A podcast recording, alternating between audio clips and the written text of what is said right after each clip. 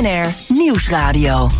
De Zakenlunch. Tijd om belangrijk zakelijk nieuws van dit moment door te nemen. Samen met Matthijs Bongertman, de algemeen directeur van SEMF Theaterproducties. En Stan Westerterp van Bond Capital Partners. Stan, goedemiddag. Goedemiddag. En nu we toch de hele wereld bespreken, valt het me op. We hebben het nog niet over China gehad. China, maar gelukkig nee. ben jij hier om dat gat. Nee, op ik te had, eh, ik had gedacht dat misschien Eden daar nog iets over zou zeggen. Maar eh, de Chinese exportcijfers die, eh, die kwamen naar buiten. En die zijn echt opgebloeid in, in maart. Een, een, een daling van veer, of een, sorry, een stijging van 14,8 procent. Jij zit nog helemaal in het tijdperk van de daling. Ja, nou ja, de Bloomberg-analisten hadden een daling inderdaad van 7,1 procent eh, voorspeld. Dus ik had al naar de redactie eh, gemaild, deglobalisering, vraagteken, waar hebben we het over?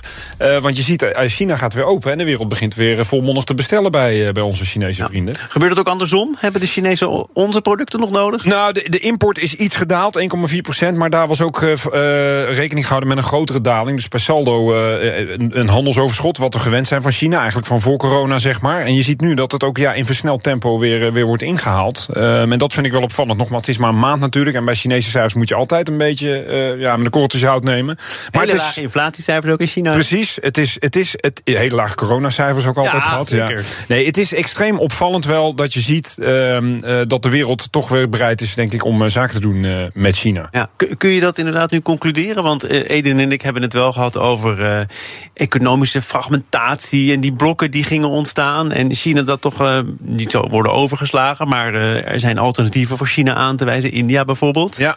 Eh, nu zie je dat dat dan toch in die cijfers niet echt terugkomt. Nou, het, het, het wordt tweeledig geïnterpreteerd. Aan de ene kant is, zijn die lockdowns in China misschien toch harder geweest. eh, met name die fabrieken dan men van tevoren had gedacht. Dus de vergelijkingsbasis is wat lichter in die zin. Vandaar dat je nu sterker herstelt. Aan de andere kant wordt er ook wel gerefereerd aan het feit dat de wereldwijde economische vraag gewoon robuust is. En dus ook China daar een groot onderdeel van uitmaakt. En dus weer een aardige groei eh, laat zien.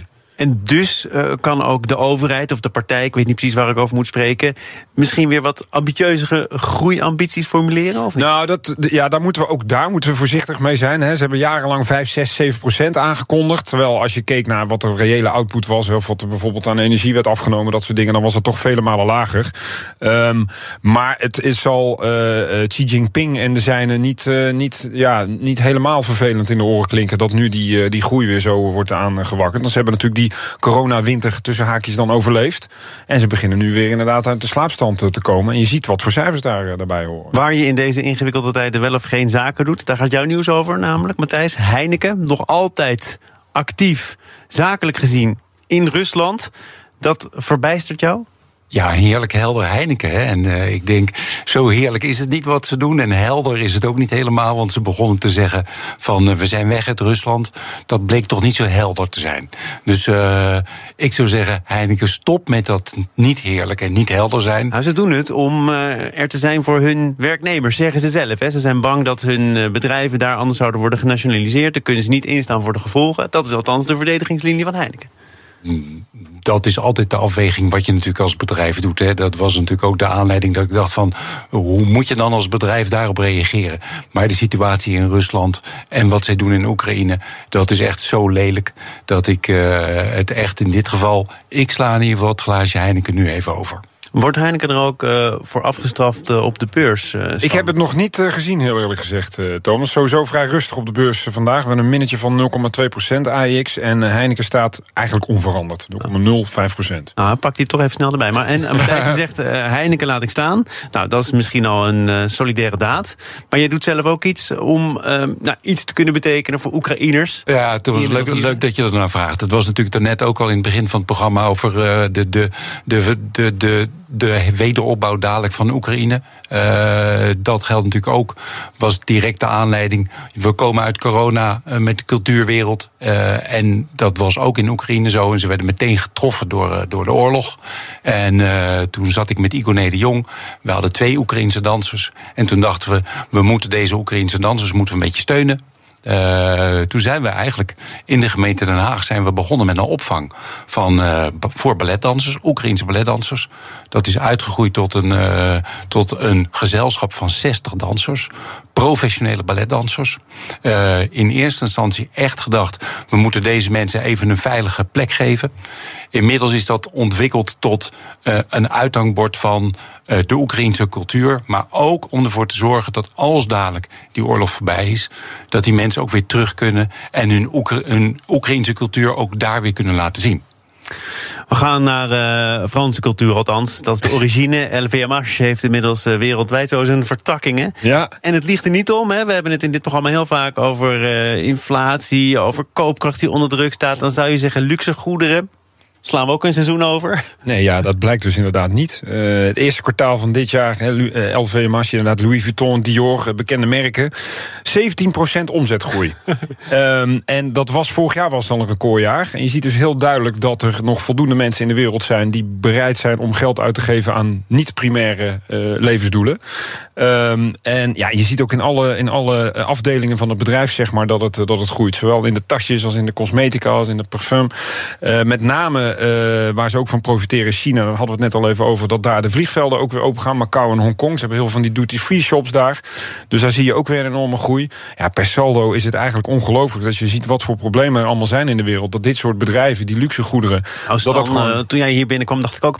Wat ruikt die man ja, ook ondertussen hier ook, een beetje verbazing Ook dat schijnt een trend te zijn. Een mooi artikel in het FD. Misschien was goed om te lezen. Daar stond ook in dat mannen inderdaad steeds meer aan hun eigen uiterlijk en, en zalfjes en dat soort zaken gaan gebruiken. Nou, daar profiteren dit concerns natuurlijk ook van enige wat nog niet zo hard groeide, dat waren de, de wine en de spirits, zeg maar de champagne, waar ze natuurlijk ook bekend van zijn. Maar die hadden natuurlijk al een enorme inhaalslag vorig jaar gemaakt. Dus daar is die vergelijkingsbasis ook weer iets minder. Heel even, heel kort vooruitblikken op vanavond. Ik zit hier met een verstokte Feyenoord-fan, Matthijs. Kwartfinale tegen AS Roma. Ja, spannend, na, na, een, na een, ook voor Feyenoord moeizame week, gezien wat er in de Kuip gebeurde. Die aansteker of batterij of wat er dan ook gegooid werd. Uh, doet dat wat af aan de de vreugde ja, van het succes? Dat doet natuurlijk wel een beetje, uh, weet je, het gevoel van uh, dat, we, dat we ons schamen. Ik bedoel, dat is natuurlijk geen fijne zaak. Maar ik zat net met een, uh, in de taxi met een, met een taxichauffeur, echte Amsterdamse speltje voor Ajax. Ik zeg, wat, gaat, wat ga je vanavond doen? Hij, ja, ik ga wel even kijken hoor. Oh, toch? dus ik zou zeggen, laten we ook genieten van het spel. En genieten van het feit dat we een Nederlandse club hebben die kwartfinale Europa speelt. En dat het dan toevallig jouw club is. Heerlijk. Ach, ja, toch wel. Stan, heb jij nog een vraag? Nou ja, ik wil er nog heel even kort terugkomen op dat Oekraïne-verhaal. Ik vond het toch inderdaad wel heel erg mooi. Ik had dat ook gezien. Natuurlijk, eh, financiële achtergrond. Mijn vraag is dan ook uiteraard een beetje hoe. Uh, ja, dat je dat organiseert is natuurlijk al prachtig. Maar hoe krijg je de centjes ook bij elkaar om dit te realiseren? Ja, dat is. Soms, soms krap je wel eens op je hoofd. Denken: mijn god, wat zijn we aan begonnen? Uh, we hebben daar in het begin veel steun gekregen van, van allemaal fondsen. We hebben in Nederland natuurlijk een paar prachtige fondsen: Prins Bernhard Cultuurfonds, VSB-fonds. partijen die meteen zeiden: van wauw, dit moeten we steunen. inmiddels we hebben ook veel eigen inkomsten. We hebben twee maanden getoerd in Australië. We hebben net Washington. We hebben het Kennedy Center. Uh, een hele week gespeeld, was fantastisch. Dus die foundation, die Oekraïnse dansers, die financieren zichzelf door gewoon op te treden? Ook, heel erg. En uh, we gaan nu, komende maand gaan we naar Taiwan. We gaan in juni gaan we naar Los Angeles. Uh, we hebben een tour in Nederland staan. En bedoel, ballet, dansen is gewoon een hele kostbare zaak. Dus we krijgen ook ondersteuning van fondsen en nu ook van het ministerie. Dus, uh, maar het is een prachtig exportproduct, hoor ik ook zo al. Nou ja, het is belangrijk dat de Oekraïne op, zeggen, als land blijft bestaan. Dat we dus ook op cultureel gebied, hè, cultuur, dat is wat ons maakt. Uh, dat geldt ook voor Oekraïne. Dat ze hun eigen identiteit, soevereiniteit kunnen, kunnen laten zien. Dat ze ook uh, de Oekraïners een gevoel van trots kunnen geven. Dus uh, ja, ik, ik ben een beetje in een goede doelentoestand terechtgekomen. Toestand. Maar het, geeft, het geeft echt veel voldoening. Stan Westerterp van Bond Capital Partners. Lekker ruikend ook.